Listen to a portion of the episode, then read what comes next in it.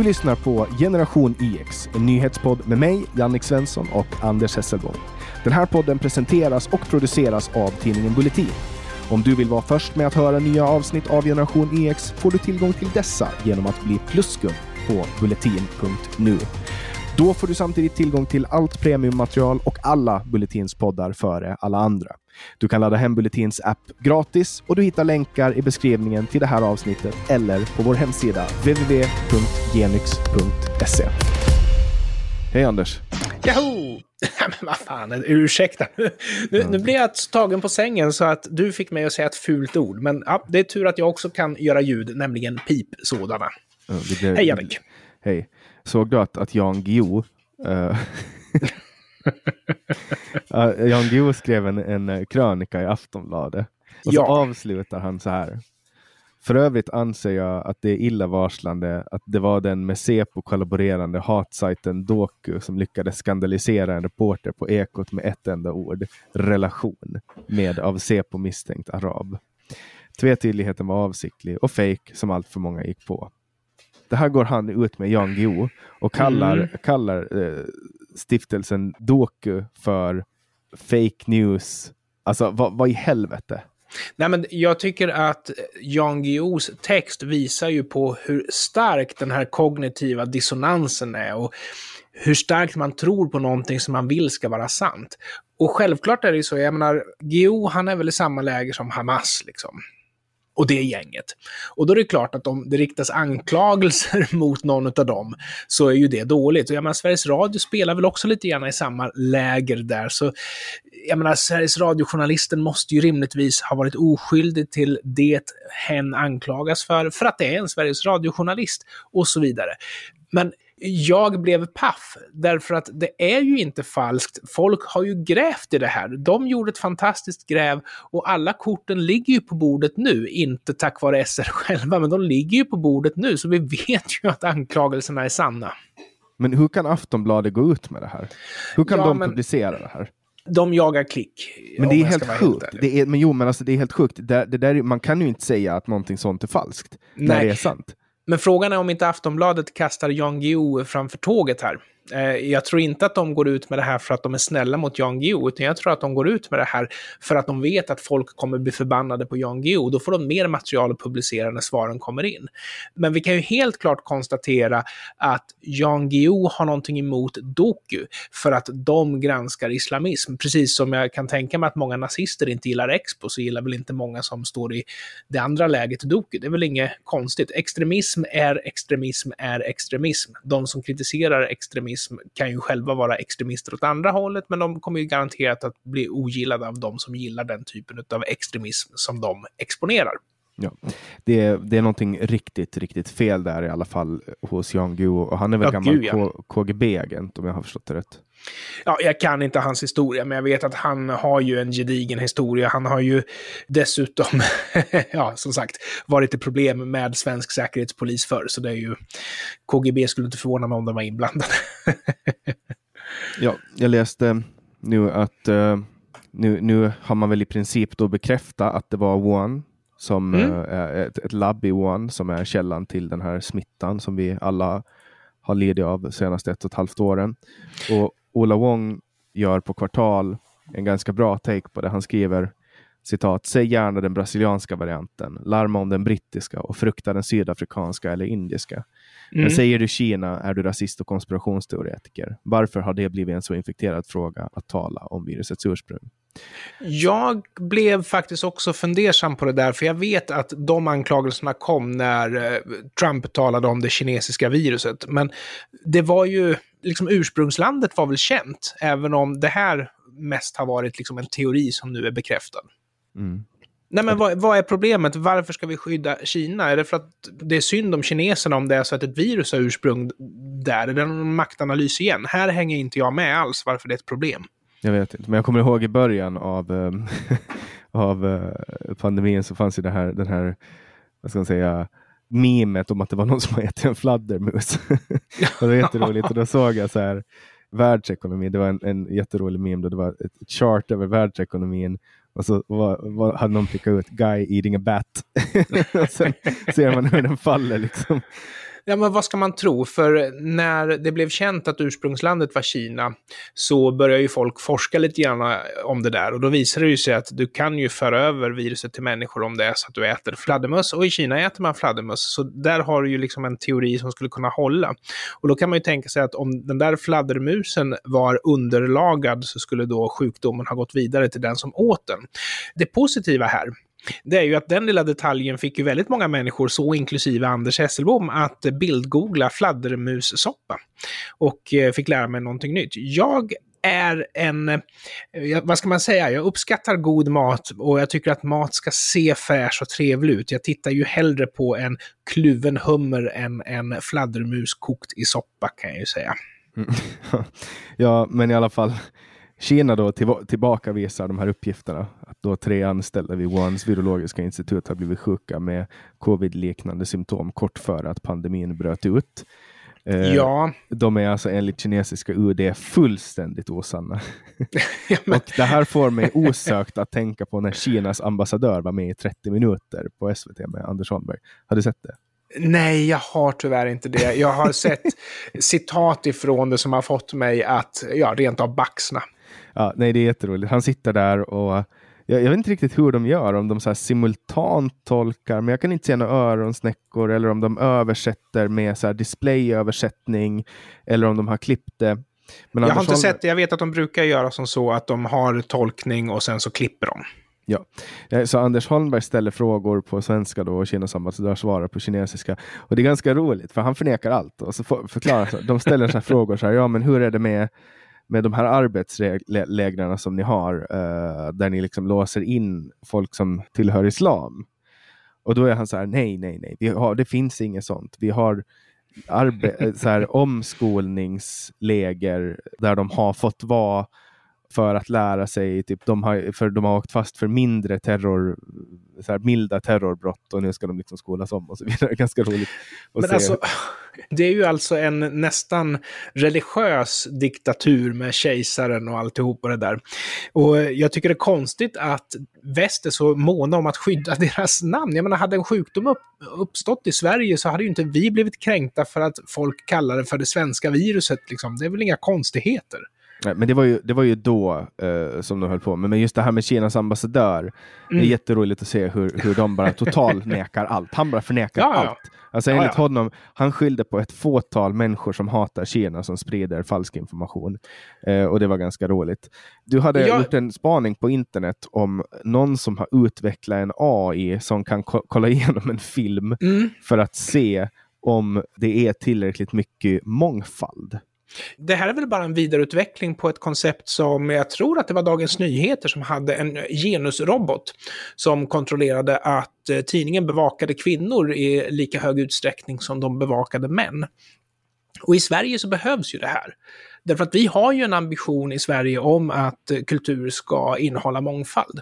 Det som jag ser, det är ju att kulturen är ju inte riktigt fri i Sverige, utan den är ju bidragsdriven i mångt och mycket, vilket gör att eh, sådana här kriterier nu, när man kan mäta dem, så kan man ju ha dem i kravet för vem som ska få beviljas bidrag ifrån Filminstitutet eller vad det nu kan vara för någonting. Man kan liksom styra kulturen ännu mer när man har de här mätvärdena.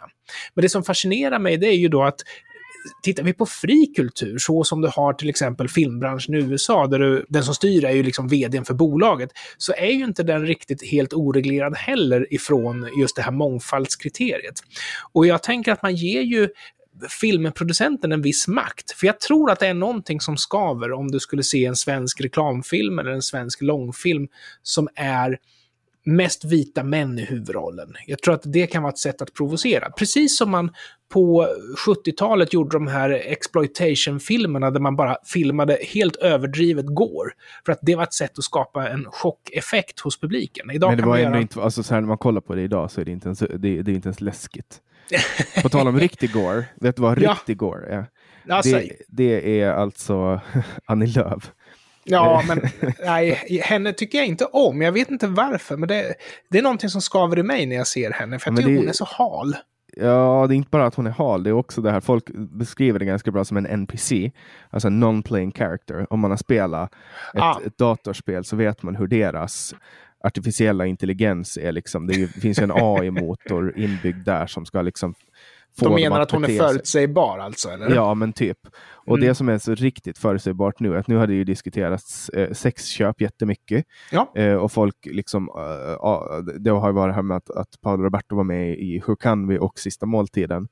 Och nu då har blivit cancellade. De, de, man har försökt cancella dem i alla fall, men mm. då går Annie Lööf, den falska lilla ormen, ut i media och bara inför fängelsestraff på sexköp. Så nu ska hon bara så signalera. Och det är så jävla genomskinligt. Alltså det här är samma person som har uppgett att, att Atlas Shrugged var hennes favoritbok och att hon skulle äta mm. sin vänstra sko hellre än att bli ett stödhjul åt Socialdemokraterna. Alltså hon kommer att få äta skor resten av livet. Ja, det, jag tror att det var någon som hade skrivit att de hoppas att hon skulle lova att äta upp sin högra sko om det är så att hon blir ett stödparti till Vänsterpartiet. För det lär hon ju snart bli också. Så. Ja, men det här skriver hon då i en, en debattartikel. Då. Sexköp är ett övergrepp mot några av samhällets mest utsatta. Synen på sexköp behöver omvärderas. Nu krävs krafttag för att stoppa människohandel och ge utsatta, i många fall barn, bättre stöd och den hjälp de behöver för att bygga upp sin liv i frihet. Alltså, vi, vi dissekerar mm. det här lite. Hon börjar med att säga att sexköp är ett övergrepp mot några av samhällets mest utsatta.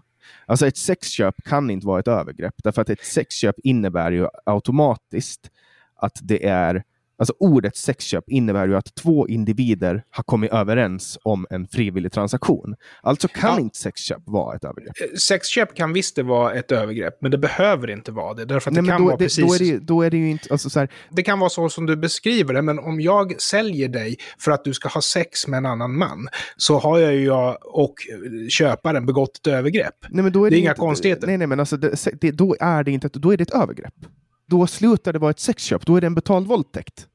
Alltså, ja, Okej, okay, du, okay, du, du, du vrider på orden här. Men, nej, men, nej, jag vrider däremot, inte på orden. Det är de som vrider på orden. Däremot så vill jag ge dig rätt. Ja, ja, jag vill bara ge dig rätt i att säga att ett sexköp är ju inte per definition ett övergrepp. Det har du ju rätt i. Nej, och det, slu, det upphör att vara ett sexköp om det uppstår ett övergrepp. Då okay, är det ett betalt övergrepp. Ja, så ett sexköp är... Så att det jag vill bara etablera, det är att det finns någonting som är frivilliga, överenskomna Mm. Alltså som till exempel, och, då, och då, tar, då tänker jag bara på den lag vi har i Finland, där sexköp är tillåtna och det är tillåtet att sälja sex. Det är, ja, det är inte ju ett enligt alla experters rekommendationer att det är så det ska vara. Ja, Därför att vad, ja. vad, som händer är ju att man skapar en ljusskygg bransch. Men förlåt, nu har jag avbrutit det många gånger. Ja, nej, men så, här, så att därför kan man inte säga att sexköp är ett övergrepp, därför att då är det inte längre ett sexköp. så att här försöker hon vrida på orden. Sen mm. säger hon att synen på sexköp behöver omvärderas. Och då funderar jag, så här, vad då behöver omvärderas? Att man förstör människors liv på grund av att de köper sex och, och liksom hänger ut dem i media och gör att de aldrig någonsin får möjligheten att skaffa sig ett jobb. Är, är det, betyder det att vi har en, ska vi liksom göra det ännu grövre i Sverige? Ska vi liksom tillåta en folkdomstol att liksom förstöra dem för resten av livet även om de sitter av sina straff och avtjänar sina straff? Att vad är det hon efterlyser? Och sen säger hon att det krävs, i samma mening säger hon att det krävs krafttag för att stoppa människohandel.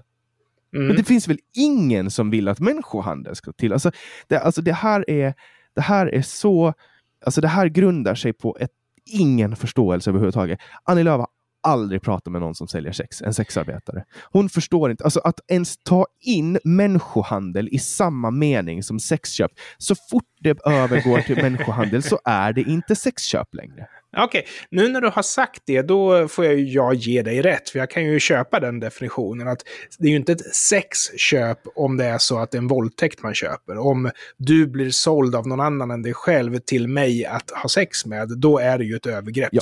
Men då är det ju inte sexköp, då är det ju våldtäktsköp. Det är samma sak som att man inte kan säga barnpornografi. Ah, Därför att det finns det. inte barnpornografi. Det finns inte barn som... Det är ett övergrepp på ja. ett barn. Det är filmade övergrepp på barn. Ja, det är ju en intressant tanke att barn bedriver inte pornografisk exakt, verksamhet, utan exakt, de blir utsatta för exakt, övergrepp. Ja. Exakt, och därför, därför bör man också undvika terminologin barnporr och mm. använda sig av det det faktiskt är. Nu är det ju, nu är det ju kanske så att säga att det är en, en, det finns ju alltid gråzoner och en grås, gråzon är väl en person som fyller år eh, fem minuter innan de blir 18 och så börjar de spela och så vidare. Så att det finns gråzoner. Men i allmänhet så är barn ja. ska inte bli filmade när de har sex. 15 är det väl i och för sig, men inte A. Men ändå. Ja, men Eh, alltså, jag jag förstår vad du menar. med, ja, du, du får inte producera pornografisk film om du är Nej. 17 år och 364 dagar. Du får vänta en dag. Ja, ja, okej, du tänker på pornografi. Men Ja, Nej, men men men alltså- där, vill, där vill jag bara ta det vidare till att säga så här, Ja. Annie Lööf, nu har ju de fått jättemycket avhopp. Det är flera centerledamöter som har meddelat att de inte kommer att kandidera i valet 2020. Och då går Annie Lööf ut och bara, ja men kanske vi ska jobba mer flexibelt, kanske man ska lära sig av distansarbete och så vidare. Och så vidare. Men Annie Lööf, kan det ha att göra med att ditt parti är fullt av pedofiler? Alltså kan, kan det finnas någon koppling där? Så alltså, hur många pedofilskandaler hade funnits inom Centern nu senaste året, Anders? Ja, alltså media av någon anledning hänger ju ut dem när de händer, men de är många och avslöjandena har varit många. Så det är någonting i den kulturen som attraherar. För jag är ju inte anhängare av den teorin att man blir pedofil av att bli katolik eller att man blir pedofil av att bli centerpartist, utan jag tror ju tvärtom. Att pedofiler söker sig till trygga miljöer där de kan bedriva sin verksamhet i ro. Liksom. Så Centerpartiet har ju onekligen problem där och den här låt gå, alltså vi har ju sett hur eh, folkdomstolen ändå friar de här människorna. Federley har ju skyddat en pedofil och eh, han har liksom inte förlorat någon cred hos vänstern för det. Det finns väl tillräckligt många människor i Sverige som tycker att det här det är liksom rätt okej ändå att, att han, handskas med pedofiler på det här sättet. Därför att Centerpartiet har ju inte tagit jättestor skada. De, de, det är ett parti i medvind. Mm, Tänk, tänk Sverigedemokraterna om de här pedofilskandalerna ska komma där, eller Moderaterna. Mm. Ja, vi har ju sett att eh, när det har varit övergrepp som eh, politiker, eh, speciellt tillhörande socialdemokratin eller Miljöpartiet, eh, gör sig skyldig till, så brukar man ju faktiskt mörka vilket parti det handlar om, eller kanske till och med mörka att det handlar om en politiker överhuvudtaget. Men jag tror igen att det handlar nog inte bara om, åtminstone inte bara om, att eh, tidningar är subjektiva, att de hejar på sitt favoritläger och vill skydda sitt favoritläger. Utan jag tror att det handlar om att svenska folket gillar Socialdemokraterna och Miljöpartiet. Men att det är lättare att sälja tidningar på att en sverigedemokrat har begått ett övergrepp. Och vi hade ju det här fallet någon som tog en tjej på brösten. Alltså, det är ju ett sexuellt övergrepp, men det är ganska ringa, men det var väldigt stora rubriker. Och så har vi socialdemokrater Alltså, tänker som... du på Eskil Erlandsson från Centerpartiet som blev Nej, jag dömd? tänker inte på Eskil Erla- Erlandsson. För han blev Och- dömd och friad Mm. sen senare. Ja, jag tänker inte på han, jag tänker på en sverigedemokrat. Och sen så har vi ju ett annat fall nu då, där en socialdemokratisk politiker har gjort sig skyldig till flera våldtäkter av barn. Och man skriver överhuvudtaget inte ut i tidningen att Vadå, det är är det en någon politiker. sosse som har gjort det nu? Ja, så det, det, det är på löpsedlarna. Det är på löpsedlarna nu i veckan. Okej, det här är så vanligt. Det är hemskt. Det här är Ja, så vanligt men- så att man... Men det, anledningen till att du inte tänkte på att det var på löpsedlarna, det var ju för att man överhuvudtaget inte skrev att det handlade om en politiker. Okej. Det finns en attityd i samhället som jag strikt vill vända mig mot och jag kan vara ganska hård när jag liksom dömer. Man ska väl vara försiktig med att döma folk som redan är dömda, men folk som redan är dömda, de har ju försenat sitt straff för att de har liksom så att säga dragit det över sig själva. Nu har vi SVT Nyheter då som går ut med under 12 timmar varje dygn är två fångar inlåsta tillsammans på 10 kvadratmeter inklusive toalett. Cellen är utformad för en person, men det är fullt på fängelset i Skänninge. Och så bara går man in och bara uh, uh öser ut att det är någon präst här som får uttala sig. Uh, hon heter Lovisa Hagerfors. Fängelsetiden kan ibland vara en tid för att förbereda sig för ett liv bortom kriminalitet och då är den fysiska miljön en viktig del. Och de pratar om dålig luft och de menar att det är Mm. ja, men, men vadå, de här det är ju folk som ska sitta i fängelse. Det är inte något jävla Ja. hotellrum som de ska få frukost på sängen och badbomber. Alltså det här är, det, de ska sitta intryckta i en cell och sitta där och, och skulle- förtjäna sitt straff. Ja, man skulle De lika gärna kunna det, säga... vad he- på riktigt. Mm. Vad det är ju inte meningen att vi ska ha statsfinansierad media som håller på och dal- daltar om det här, samtidigt som vi har dödsskjutningarna i, i, i Sverige. Det är Europas topp. Alltså nu har man så här, vet du vad jag tänkte på när jag läste det här nu? För Nej. att nu är det så här, nu, har man, nu, nu, är det, nu är det ju så, ja nu är dödsskjutningarna på topp i Europa. Då tänker jag på inrikesminister Mikael Damberg som hellre väljer att ta ut ett litet segment någon månad där man ser en sänkning och så pratar han om det i SVT Agenda eller vad fan Såklart. det heter. Fokus, Agenda, 30 minuter, debatt live, allt vad fan de kallar det. Och så ska han få sitta där och bara Åh, men jag ser en sänkning. Nej, den här sänkningen är en fucking höjning och nu är det skitdåligt. Vet du vad Göran Greider skriver på Twitter? Han Nej. skriver så här. Jo, Sverige är värst med dödliga skjutningar. Förklaringar. Att det accelererade klassamhället Sverige övergivit utsatta områden är huvudförklaringen. Men trolig och, troligen också det som vänstern har svårt att acceptera. Migrationens utmaningar har varit större än interaktionens möjligheter. Men oj! Är det invandringens fel? Har Göran Greider kommit fram till att det är invandringens fel?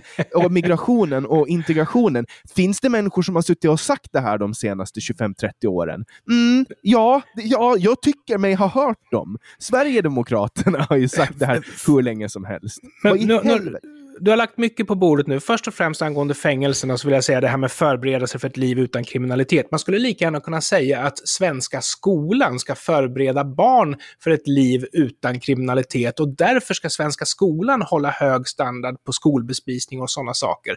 Men det argumentet verkar ju inte hålla där och vi vet ju att vi har en accelererande kriminalitet just bland de unga. Det är ju inte medelålders vita män som springer omkring och skjuter ihjäl varandra om vi ska ta handen på hjärtat där. Göran Greider sprang du förbi, förbi lite snabbt och han blir jag faktiskt lite irriterad på. Inte kanske av samma skäl som du, att han vaknar för sent, utan jag fick en känsla, jag kanske fultolkar hans tweet, jag fick en känsla av att han hellre skyller på invandrarna än på den dåliga migrations och integrationspolitiken. Det här handlar ju om ett socialdemokratiskt misslyckande, inte om invandrarnas misslyckande. Vi, vi har den här förbannade kravlösheten som skapar en känsla av att eh, invandrarna kommer till ett land som inte vill ha någonting utav dem. Som inte tar dem på allvar det är en misslyckad politik. Det är, inte, det är inte så att man är en dålig person bara för att man är född på, på annat håll. Sen kan ju den i sin tur i och för sig i viss grad ha attraherat fel personer. Absolut. Ja, ja, absolut. Här, Brås utredare Klara Radovila Selin säger i, i Bulletin man ser ganska tydligt att den ökning som Sverige uppvisar går inte att observera någon annanstans i Europa. Korrekt. Alltså, bland 20 länder som har studerats så låg Sverige tredje sist vad gäller dödliga skjutningar per miljon invånare mellan 2000 och 2003. och sen då har ökningen gått då mellan 2014 till 2017 var vi på andra plats. Den uh, politiska inkompetens som vi ser i Sverige ser vi ju inte heller någon annanstans. Den värdelösa integrations och migrationspolitiken som svensk regering har bedrivit har vi inte heller sett någon annanstans. Ja, men det så här har ju bara, bara ökat. Nej, nej, nej exakt. Ta... och det här, det här bara, det ökar. Alltså, så här... För ta Kanada, som har tagit emot massor med, med, flyktingar och gjort ett alldeles utmärkt bra jobb därför att de inte har välkomnat dem till kravlöshet. Ta Tyskland, som förvisso är ett sämre exempel än Kanada, men det har ju ändå gått bättre än i Sverige och det är ju fantastiskt stora tal de har tagit hand om. Och det har funkat, inte bra, men bättre än i Sverige. Och det är ju inte så att att marken under svenskarnas fötter är dålig, utan det är ju politiken som är dålig. Mm. Men också så här då när, när man har tagit i den här, eh, så här, man har ju diskuterat kopplingen mellan brottslighet och migrationspolitik. Men i den här studien då som Brå har gjort, då ska man inte kolla på bakgrunden hos förövare och offer. För att, så nu, nu är det oklar koppling då till migration. Mm. Man vet inte. Ja, men det är väl bra om de också tar bort kön ifrån brottsstatistiken också, antar jag. Jo, men det, det, är bara så konstigt att, det är bara så konstigt att man vägrar liksom ta i de här sakerna. Man vägrar ta i de här frågorna. Att nu, nu har vi siffror, nu har vi så, så här, nu ska vi reda, alltså så här, folk accepterar ju inte en orsak förrän man har bevisat den då med, med vetenskapliga metoden. Eller genom statistiskt har visat att det här är orsak och verkan. Mm. Nu när man tar fram siffror på det här, då vägrar man liksom ta fram vad är orsak. Ja. Vad är orsak? Man tar fram siffrorna och säger här är siffrorna. Sen får folk tolka själva. Det är ju klart att partier som Sverigedemokraterna kommer att växa då. För det är inte så svårt att för dem att bara ta retoriken och säga att ja, men det är invandrarnas fel. Istället för men... att bara säga som det är, att det är politikernas då, fel. Och genom att inte forska på det här så kan man ju svara dem, nej, vi har ingen forskning som visar på att det är invandrarnas fel. Men eh, samtidigt så säger man ju om den här rapporten som, eh, vad kan det ha varit, mitten på 90-talet, som säger att invandrare är överrepresenterade. Så ja, vi ser inga skäl att forska igen, men det är ungefär sant det som står där. Ja, men det kanske är så att det är mer sant. Det kanske är så att vi har ökat införseltakten och försämrat kvaliteten på mottagandet. Det kanske är mer sant idag forskning är ju alltid en bra grej och det ska, ska man ju syssla med när man har en kunskapslucka som man vill fylla. För då slipper vi de här spekulationerna. Mm. Ja, för att byta ämne då till någonting annat som man inte får prata om i Sverige. Ta något kul. Okej. Okay. ja, någonting kul. Jag tänkte bara hoppa in på narkotikapolitik. Ja, ja. Eh, på Karolinska institutet har man nu börjat eh, forska på psykedelika. Åh, oh, vad coolt. Det finns ett stort hopp om att de här substanserna då ska kunna hjälpa mot en rad olika psykiska åkommor. Och det här har ju varit förbjudet jättelänge. Men nu har man då börjat luckra upp det då, och huvudforskaren bakom den här svenska studien, då, psykiatrikern Johan Lundberg på Karolinska institutet säger psilocybin är ett av de hetaste spåren mot depression. Tidigare studier har visat positiva effekter flera månader efter behandlingstillfället, vilket vore revolutionerande om det är sant. Mm. Mm. Eh, han vill också då bara tona ner förväntningarna lite. Han säger att studierna hittills har varit små, kontrollgrupperna olika väl maskerade och de har fått väldigt olika resultat. Det hör till kulturen att folk tjoar och hejar, men det är inte någon glasklar succé ännu. Men liknande studier har gjorts i USA på 50-60-talet. Då studerar man jättemycket på LSD och, och så. Men sen, mm. och, och, till och med då Anonyma Alkoholisters grundare Bill Wilson testa LSD vid något tillfälle och menar att det här kunde hjälpa till att få det andliga uppvaknandet som krävdes för att överge alkoholen. Jag Men, skiter ju i om det funkar eller inte. Jag är bara glad att man får en chans att vara testperson här helt legalt. det, jag, tror inte att du, jag tror inte att du kommer att få bli det. Det är nog ganska få som uh, får. Men i alla fall är det så Suck. att man, ja, men är det så att man nu kan ta fram med de här olika substanserna en, en, modell som hjälper mot depression, då har vi ju kanske kommit ganska långt. För att de mediciner ja, ja. som finns idag är väldigt... Det är, det är mycket, mycket, mycket biverkningar som finns där. Mm. Jag kan inte kommentera det. Jag tycker all forskning är bra. Eh, naturligtvis inom rimliga gränser, självklart. Men eh, jag kan ju förstå att det finns ett visst stigma kring psykedeliska droger och det är väl bra om man övervinner det nu så kan vi liksom skörda frukten även från dem. Så att vi, vi kan väl avsluta då med ett uh, citat från uh, Filip Bromberg som är ordförande för Osmond Foundation som har dragit in pengarna till, till den här studien då på Karolinska institutet. Han säger att i en artikel på bulletin.nu. Psykedelika kan få folk att snap out of it. Sen hänger det på efterarbetet. Det finns potential mm. att åstadkomma långvarig förändring i folks liv. Målet är inte att erbjuda något som gör det lite lättare för dem att fortsätta leva det liv de mår dåligt av. Så det är lite annorlunda take på hur man, hur man liksom ska behandla just med det här. Det är ju inte meningen att folk ska få ecstasy och sitta och rulla på, på sofforna. eh, och så. Det är Nej, jag tycker det är bara är kul att trippa. Sen har vi då fyra av tio läkare ställer sig positiva till att legalisera dödshjälp. Ah. Och det här är en liten enkätundersökning som, som man har gjort bland Läkarförbundets medlemmar. Det här står i Läkartidningen. Ja. Så majoriteten och, är emot alltså? Ja, men det är, alltså, det är en ganska, jag tror att det är en ganska stor ökning. Alltså de, med 39 procent menar att dödshjälp är förenligt med läkaretiken, medan 35 procent menar att det inte är det. Okej, okay, väldigt... det är det de frågar efter. Okay. Mm. Det här med aktiv dödshjälp, jag, jag, tycker inte att det finns något fel i att, i att aktivt hjälpa en människa att dö. För det handlar inte om att att jag då ska kunna använda det här för att mörda någon, utan det här handlar om att helt enkelt acceptera att det finns vissa former av liv som är mindre trevliga än andra att leva. Och, och frågan är att om, om man vill ligga helkroppsförlamad och ha liksom 25-30 år kvar av livet eh, utan att kunna kommunicera, Ja, men jag, jag hade en vän som eh, fick levercancer och han valde att avsluta sitt liv eftersom, ja, jag menar vad ska man göra liksom? Lever man så är det bara misär och smärta. Man avlastar ju han i att behöva ta sitt eget liv om det är så att en läkare kan göra det.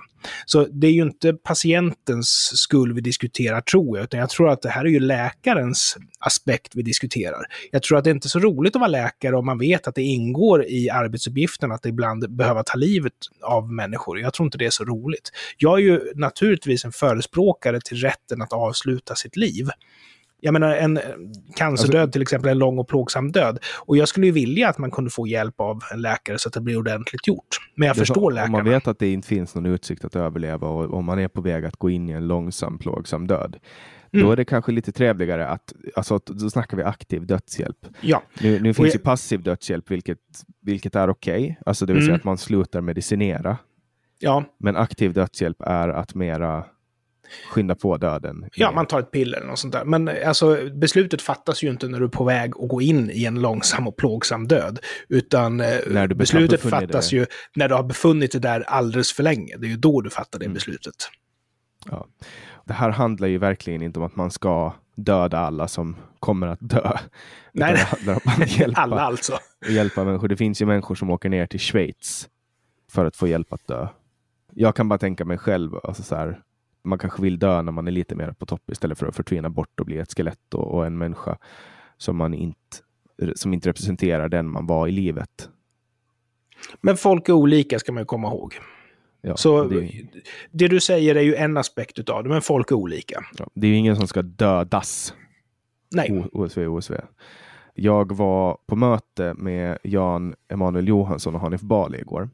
Ja. Eh, vi håller på att prata om Bulletins eh, produktion av Motormännen då, som de ska göra. och eh, då tog jag en bild till vår Facebook-sida och laddade upp den här på, på min Twitter, bland annat. Och jag fick ett hundratal svar på den där man bara gick på deras fysiska utseende. Alltså så, det var bara mm. attacker på hur de var klädda, hur de stod, vad de hade för alltså deras hår, allting. Och då blev jag bara att tänka så här, tänk om det här var två kvinnor. Jag tänkte här... precis säga det. Det var ja. väl tur att det var två män då och inte två kvinnor. För jag tror att gemene man tycker nog inte att man ska reducera en kvinna till sitt utseende och definitivt inte hacka på en kvinnas utseende. Mm. Hur kan det vara okej okay att, att angripa högermän Alltså att, hur, varför är det okej okay för vänstern, både kvinnor och män, att angripa högermän för deras utseende? Men det är aldrig tillåtet för någon att angripa kvinnor för deras utseende.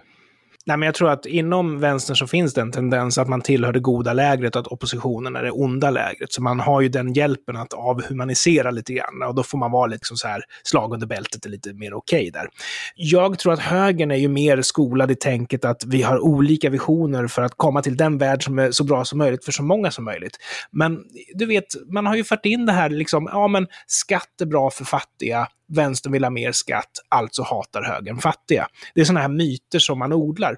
Ja, men hatar man fattig så är man ond. Ja, man, man har hittat en metod att avhumanisera högern lite grann och då är det okej. Okay. Men jag tror inte att det hade varit okej, okay. oh, kanske, alltså om det vore kvinnor, högerkvinnor, för vi hade ju faktiskt ett fall med Ebba Busch och det väckte nog avsky även hos eh, vänstermän och vänsterkvinnor att hon kritiserades för sitt utseende. Så, men, men, är man både höger och man, då jäklar. Mm. Nej, men det var i alla fall det, var i alla fall det som hände var att man angrep, man angrep deras utseende och jag, jag tyckte att det var tråkigt. Liksom. Och jag ja, det är klart tänka, det är nu, nu, nu, var det jag som laddade upp den här bilden, så således var det också jag som fick alla notifikationer. Men jag kan bara tänka mig hur det är att vara någon av dem i vanliga fall, vanliga dagar. Ja. Liksom. Jag bara kommer att tänka på det. En annan, en annan sak som har hänt Anders, är att du och jag har träffats för första ja, gången. Vi har ju känt varandra ett tag eftersom vi har poddat ihop, men både du och jag är väldigt upptagna personer, så vi reser ju inte så mycket och vi reser ju faktiskt inte av andra skäl. Och det, är ju, det finns ju restriktioner och vi följer ju dem. Så jag menar, jag har ju en annan podd som jag började spela in på distans när restriktionerna kom. Vi hade liksom inga praktiska problem att sitta bredvid varandra, men vi började spela in på distans i alla fall, trots att det kostade lite grann i dynamik och sådana saker, för att vi vill följa restriktionerna. Mm. Och vi träffades utomhus och det var väldigt trevligt. Ja, eh, jag fick ut... hälsa på din hund också. Ja, det fick du. Du såg, du såg ut typ eh, exakt som jag hade tänkt mig. Eh, eller ja. vi ser ju varandra i videon när vi spelar in. Men jag reagerar på din gångstil. Den var lite annorlunda än vad jag trodde mm. att den skulle vara. Så att, ja. Men, men i övrigt så var det inte många konflikter eh, som uppstod eh, i, mitt, i mitt huvud när jag, när jag såg det. Så kan det ju vara ibland när man träffar mm. någon man träffar online. Att, att, eh... Gångstilen tycker jag, den passar inte riktigt in i min image, för det är ju den och den alena som gör att jag inte är en cool kille som Kurt Russell och sånt där. Det är ju, ja, jag är ju tjock det var, det, lite så, Nej, du, du, jag skulle inte säga att du är tjock, men det var lite som en seriefigur. När du ja, ja, precis. Så jag har inget cool i min gångstil. Och men, jag kan gräma mig lite grann av det. Ja. Man tänker på den. Jag har ju sett mig själv på film uh, bland coola killar och jag tänker på mig själv som ah, det där är den killen som inte går coolt. Men du, är ju lite, men du är ju lite dork i personligheten. Liksom. menar, du har något gammalt arkadspel hemma bredvid Mm. Walters eh, Jag gillar att spela. Pac-Man faktiskt, så det kan jag inte hålla mig ifrån. Några öl och, och några runder Pac-Man är hysteriskt roligt. Du är så jävla anspråkslös. Jag var också så här när vi träffades. Jag bara så här, men Anders, nu har ju vi fått det här att funka så bra. Att vi borde, vi borde liksom starta ett företag tillsammans. Vi borde liksom Mm. utveckla det här, alltså nu när vi har en så bra dynamik. Och du är så här, nej men jag är nöjd med mitt liv. Jag jobbar på en Ja. statlig myndighet. Jag får mina pengar. Jag ska inte, ta något, nå- jag ska inte gå ut på något äventyr. Liksom. Jag ska inte ta något. Ja, men du får tänka på att jag är för gammal. Jag har ju, alltså, jag har ju jagat framgång. Alltså, när jag växte upp fanns ju inte internet, men då hade jag ju min elgitarr och stod på scen och försökte sn- snajda brudar. Så jag har ju haft allt det här jagandet. Nu vill jag varva ner. Nu njuter jag hellre av, av att leva det liv som jag alltid har velat. Och jag, och jag menar, nu är det ju så, jag, jag har ju den inkomst jag behöver för att kunna leva det liv jag vill leva. Då vill jag göra det. Och jag tycker fortfarande att jag tar på mig för mycket. Jag måste bli bättre på det där. För livet är ju riktigt gott de kvällar där man inte ska göra någonting speciellt. Där man inte ska ut och härja eller debattera med någon eller vad det nu är för någonting. Utan Jag tycker där man bara kan sjunka ner. Det är så anspråkslöst bara. Jag, jag menar att du, du jag, jag har redan framfört det här till dig in person, men det var väldigt trevligt att träffa dig i alla fall. Och jag hoppas Ja, du får möjligheten att att göra träffa det igen så Ja. småningom. Jag flyttar ju tillbaks till Åland nu eh, och det ser jag jätte, det ska bli helt underbart. Men, Mm. men jag kommer ju självklart att, att åka förbi så fort jag får, får möjligheten igen. Och, Jag flyttar ju till Lekebergs kommun nu, så jag ska ju söderut, ut på Vischan nu vet du. Mm, då kommer ännu större sannolikhet att jag kommer att hälsa på dig. För- Ja, då får du ju stanna och sova på soffan och sen så kan vi sitta ute på altan och prata. Och... Men så hoppas jag att du skaffar hästar också, blir riktigt. Stallet är tio minuter bort och min dotter har precis köpt en häst. Så. Ja, det är helt fantastiskt. Då har du Mm. mycket större sannolikhet att jag kommer, jag kommer att eh, dyka upp där. Du hade några Twitter-spaningar på, på lager också. Ja, eh, framförallt så eh, hade jag ju en som jag tyckte var så fascinerande att följa och det handlar om 11 september-attacken och det här var intressant. Vet att anledningen till att det dog fler kvinnor än män i 11 september var för att kvinnorna hade inte bra skor på sig och kunde därför inte springa. De hade högklackat på sig. Och jag tänkte, vad spännande att det dog så mycket mer kvinnor på grund av det. Sen när jag började titta i demografin och så där så visade det sig att nästan alla som dog var män. Det var liksom väldigt få kvinnor som dog. Och Det jag, var så här fake news, fake news, fake news. ja, det kanske inte var det. det kanske, jag, jag tänkte att jag kanske hade gjort en illvillig tolkning och den här frågan kom ju upp. Jag stoppade in utan att säga emot eh, den informationen och då visade det sig att ännu fler kvinnor dog på grund av sina högklackade skor än vad de hade gjort om de hade haft bättre skor.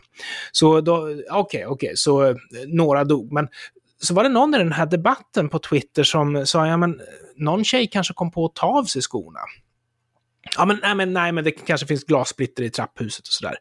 Nej, men det är inte gjort av glas. Men då kom, då kom de på att, ja men du, om, om de tog av sig skorna, då måste det ha blivit skohögar som kvinnorna fastnade i.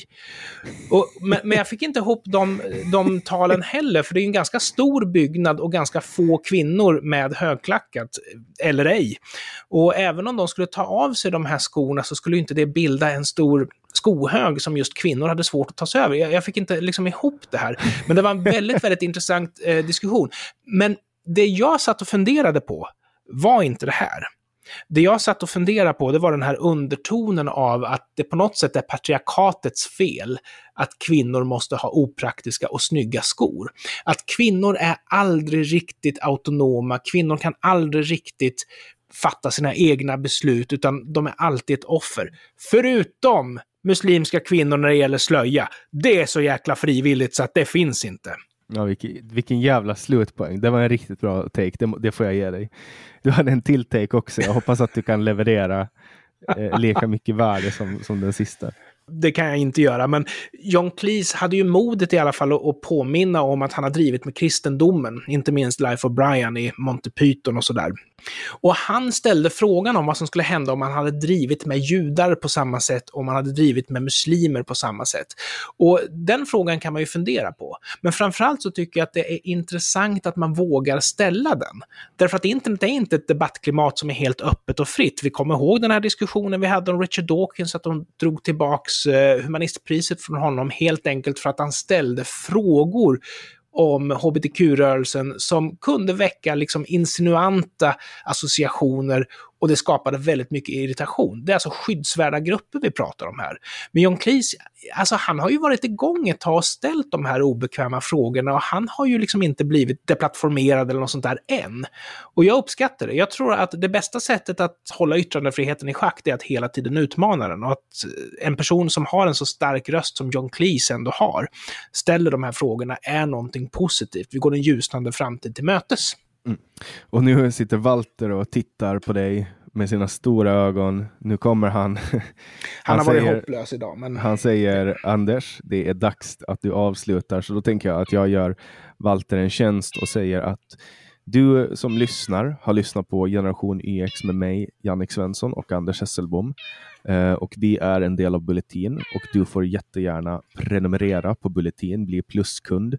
Det finns två steg, varav pluskund är det som du kan bli för att få ta del av Generation YX några dagar före alla andra. Du får också, förutom att bli pluskund, också gärna berätta till alla du känner att du har blivit pluskund och också länka bulletin.nu till dem och berätta det här är en tidning som jag vill stödja, för Bulletin behövs. Det är allt ni kommer att, att höra från mig och Anders för den här veckan. Vi släpps bakom betalvägg på bulletin.nu på fredagar och går ut i det allmänna flödet på måndagar som är den nya dagen. Tack för mig och tack för oss. Tack för att ni lyssnade. Hej då!